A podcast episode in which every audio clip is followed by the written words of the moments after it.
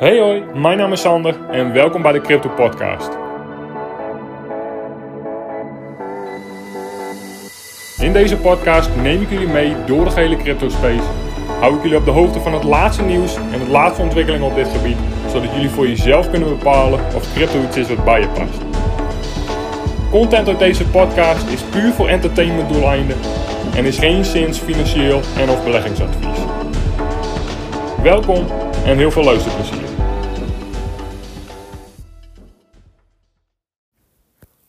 Oké, welkom bij seizoen 4, aflevering 10. Ehm, ik wil even met jullie door de markt heen. Wat is interessant op dit moment? Wat doe ik zelf? Wat zijn ik wil een aantal gedachten met jullie delen over waar we op dit moment zijn en wat voor verschillende situaties handig zou kunnen zijn. Zeker na zo'n periode van opbouwse prijsactie. Uh, maar allereerst, ja, gefeliciteerd iedereen. Uh, leuke opwaartse prijsactie gezien. Gefeliciteerd met het feit dat je in crypto hebt geïnvesteerd. Gefeliciteerd dat je de bearmarkt hebt overleefd. Um, ja, gefeliciteerd met je rendementen. Dat je hebt het verdiend. En nogmaals, zeker voor de mensen die al wat langer in crypto zitten en ja, in het diepst van de bearmarkt hebben aangedurfd om ja, te blijven doorinvesteren, altijd dat geloof in crypto hebben gehad, ja, dan, dan verdien je ook dit soort opwaartse prijsactie, verdien je ook de rendementen. Uh, geniet daar ook van en vier dat soort kleine overwinningjes. Uh, daarnaast natuurlijk wel direct een kanttekening, want um, ja, mensen die maar wat langer volgen weten dat ja, financiële markten gaan niet alleen maar omhoog, vroeg of laat. Uh, vinden er ook altijd weer correcties plaats. De ene wat scherper dan de ander, maar hou rekening met correcties, zeker na dit soort periodes van opwaartse prijsactie. Uh, wil dat zeggen dat die correctie dan op afzienbare tijd gaat plaatsvinden? Uh, zeg het maar. Kan best zijn dat we nog wat verder doorstijgen. Kan ook best zijn dat een correctie al bijna aanstaande is. Maar dat is gewoon hoe financiële markten werken. Dat is gewoon hoe de grafieken werken. En dat soms moet er gewoon weer correcties plaatsvinden om het een en ander te resetten, om leverage uit de markt te spoelen. En dat is heel erg gezond voor de markt, maar hou daar gewoon rekening mee. Dus natuurlijk fantastisch. Waarschijnlijk als je nu je portfolio opent, uh, heeft daar natuurlijk de afgelopen weken hele mooie, hebben daar hele mooie stijgingen in plaatsgevonden. Uh, maar hou ook gewoon rekening mee is dat we her en der weer wat retracements kunnen gaan zien. En dat iets betekent voor ja, uh, je portfolio aan zich. Uh, maar daar wil ik eigenlijk even op doorborduren, want daar krijg ik natuurlijk nog wel eens wat vragen over. wat, is dan, wat moet ik dan nu doen? Wat is dan nu op dit moment handig?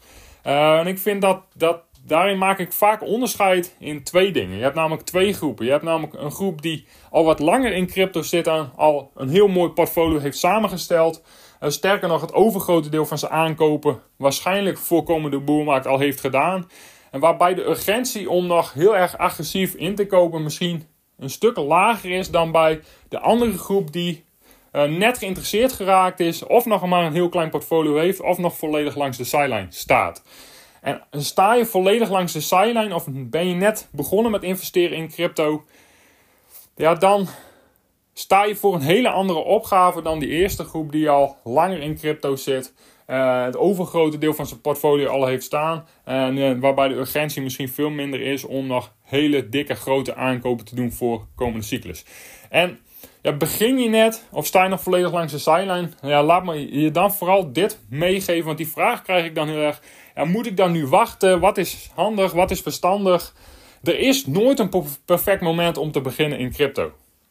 Alleen het gevaar is, is als je dat moment van beginnen, uh, die knoop doorhakken om te zeggen van ik ga nu gewoon beginnen met investeren in een aantal projecten, is, is dat ja, je dat moment uh, voor je uit gaat schuiven als er langere tijd opwaartse prijsactie is. En je eigenlijk gewoon moet afvragen, hey, als ik nu instap, als ik nu investeer in de markt, hoe groot is dan de kans dat ik aan het eind van de boelmarkt ook in de plus sta? Dat is eigenlijk de, de vraag die je jezelf moet stellen. En of je ja, uh, Bitcoin dan bijvoorbeeld, of welk ander project dan, uh, dan ook, maar laat ik Bitcoin als voorbeeld nemen voor uh, 50k hebt gekocht, of voor 47k, of voor 45k. Um, dat maakt dan eigenlijk aan het eind van de rit niet zo heel erg veel uit. Dus maak dat niet te ingewikkeld, maak dat niet te complex. Uh, laat dan niet een hele studie oplossen. Ik denk dat het ja, vooral belangrijk is, is dat je ergens een keer die knoop doorhakt en gewoon begint met investeren. En uh, gewoon voor jezelf de afweging maakt. En dat is mijn zienswijze. Ik vind dat op dit moment de kansen in de markt nog steeds veel groter zijn dan de risico's die je loopt als je nu begint met investeren. Uh, maar dat is ja, soms een lastige opgave. Dat kan ik mezelf ook nog wel herinneren toen ik ooit begon met investeren in crypto. Ja, wanneer begin je dan? Dan kijk je naar die grafieken en dan denk je, ja, is dit dan het juiste moment? Of ja, wat als er dan morgen een correctie plaatsvindt? Misschien moet ik nog langer wachten. Uh, en als de markt dan verder blijft doorstijgen, ja, dan, dan wordt dat een heel erg psychologisch spelletje. Maak je het misschien veel minder, uh, maak het jezelf veel moeilijker en ingewikkelder dan het eigenlijk uh, nodig is. En je, uiteindelijk moet je gewoon die knoop doorhaken en zeggen van joh, ik ben geïnteresseerd hierin. Uh, als ik kijk naar de cyclus is dit nog steeds een heel erg mooi moment. Ook al hebben we al wat opwaartse prijsactie gezien. En de kans dat ik, als ik nu begin, mooie rendementen ga maken in de boelmarkt, is gewoon nog steeds heel erg groot. Dus maak dat niet te ingewikkeld. Laat daar niet een hele studie oplossen, want daar scheulen gewoon een aantal gevaren in. Dat wil niet zeggen is dat je dan nu ineens al je kapitaal in de markt moet zetten. Uh, maar in ieder geval beginnen met het spelletje. Wat kapitaal in de markt hebben uh, is denk ik niet onverstandig. Want dan ben je in ieder geval begonnen met het uh, opbouwen van een portfolio. Andere groep natuurlijk, en dat is eigenlijk wat ik zelf doe. Um, mijn portfolio, zoals dat er nu voor staat, mijn mijn, ja, het grootste deel van mijn portfolio staat gewoon voor komende cyclus. Dus voor mij is de urgentie om nog heel erg agressief te blijven dollar cost average niet heel erg groot. Dus wat ik in dit soort periodes zelf doe, zeker na wat we de afgelopen weken hebben gezien qua opwaartse prijsacties, is dat ik qua dollar cost average gewoon enorm op de rem trap en gewoon wacht tot er zich mooie kansjes voordoen. Dus dat geld wat ik normaal gebruik voor dollar cost average, pot ik gewoon lekker op. Uh, dat staat mooi langs de sideline. En ik wacht gewoon tot zich mooie kansjes in de markt voordoen. Totdat we wat mooie correcties zien. Of dat er uh, binnenkort nog wat nieuwe lanceringen plaatsvinden die interessant genoeg zijn om te investeren. En op die manier kun je dan de markt gewoon ja, eigenlijk naar je toe laten komen. Uh, stijgen we verder door, stijgen we verder door, dan is het ook niet ergens dat. Vind ik het ook niet ergens dat dat geld gewoon lekker langs de sideline blijft staan. Want vroeg of laat gaan er gewoon wel weer kansen komen die je dan met dat geld kan benutten. Dus en eigenlijk het punt is, is, is dat het helemaal niet erg is, laat ik het zo zeggen, om wat cash aan de sideline klaar te hebben staan. Uh, als zich kansjes voordoen, als zich correcties voordoen, als er nieuwe lanceringen plaatsvinden die interessant genoeg zijn. Dus cash langs de sideline hebben staan is nooit erg, is altijd heel erg prettig. Maar nogmaals, ik vind wel uh, dan dat onderscheid belangrijk tussen ja, heb je nogmaals het grootste deel van je portfolio al staan? Of begin je nu net met investeren in crypto? Of sta je nog volledig langs de sideline? Dan sta je nogmaals voor een hele andere opgave. En moet je gewoon ergens een keer die knoop gaan doorhakken.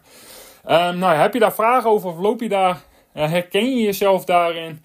Uh, loop je tegen dingen aan? Nogmaals, schroom niet om het te bereiken via Instagram. Uh, dan kom ik daar persoonlijk even voor jou op terug. Al is het alleen maar eens even om van inzichten met iemand te wisselen over wat voor jouw situatie misschien handig is. Uh, dan, laatste puntje voor deze aflevering. En dat vind ik echt super tof om te zien. Ja, die, de kracht van de Bitcoin Spot ETF's op de Amerikaanse markt ja, laten zich nu echt gelden. Ik zag vandaag, vanochtend zag ik de gegevens. En ja, er komen nu toch honderden miljoenen aan kapitaal elke dag die Bitcoin Spot ETF's invloeien. En ik heb het toen ook gezegd tegen de tijd dat die Bitcoin Spot ETF's gelanceerd werden op de Amerikaanse markt. Geef het even tijd. De, in de eerste uren, dagen, in de eerste weken verwacht daar niet te veel van. Uh, maar nu heel langzaamaan gaan we de kracht zien van die Bitcoin Spot ETF's. Ja, en zien we ook de interesse van de instituties van Wall Street in dat soort producten.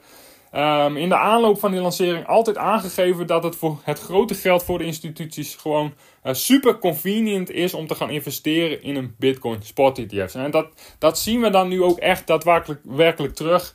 Ja, en dan heeft puur te maken met vraag en aanbod. En dat is gewoon hoe financiële markten uh, werken. door de komst van die Bitcoin Spot ETF's is de vraag naar Bitcoin enorm toegenomen. Ja, als dan het aanbod hetzelfde blijft, kan het na zo'n accumulatieperiode niet anders dan dat prijzen omhoog gaan. En dat zien we dan nu ook gewoon gebeuren. Nou ja, dan natuurlijk het volgende interessante punt, straks die Bitcoin halving. Als de vraag in de boelmarkt of uh, in de komende maanden van het grote geld van instituties en ook van de ja, grote groep particuliere investeerders die nu nog steeds niet betrokken is bij de markt, uh, ja, nog verder gaat toenemen. En het aanbod gaat straks door de helft naar die Bitcoin-having, want dat is sect wat er gebeurt. Ja, dan hoef je niet een PhD in financiële markten te hebben om te voorspellen wat er met de prijs van Bitcoin gebeurt. Dus um, dat wilde ik ook gewoon even benoemen. Uh, ja, Bitcoin Spot ETF's um, ja, gaan nu echt laten zien uh, waarom het zo belangrijk is dat die op de uh, Amerikaanse markt gekomen zijn. Laat ook zien, nogmaals, er gaan natuurlijk veel meer spot ETF's komen op de Amerikaanse markt. Ja, wat dus voor crypto komende cyclus nog meer te wachten staat.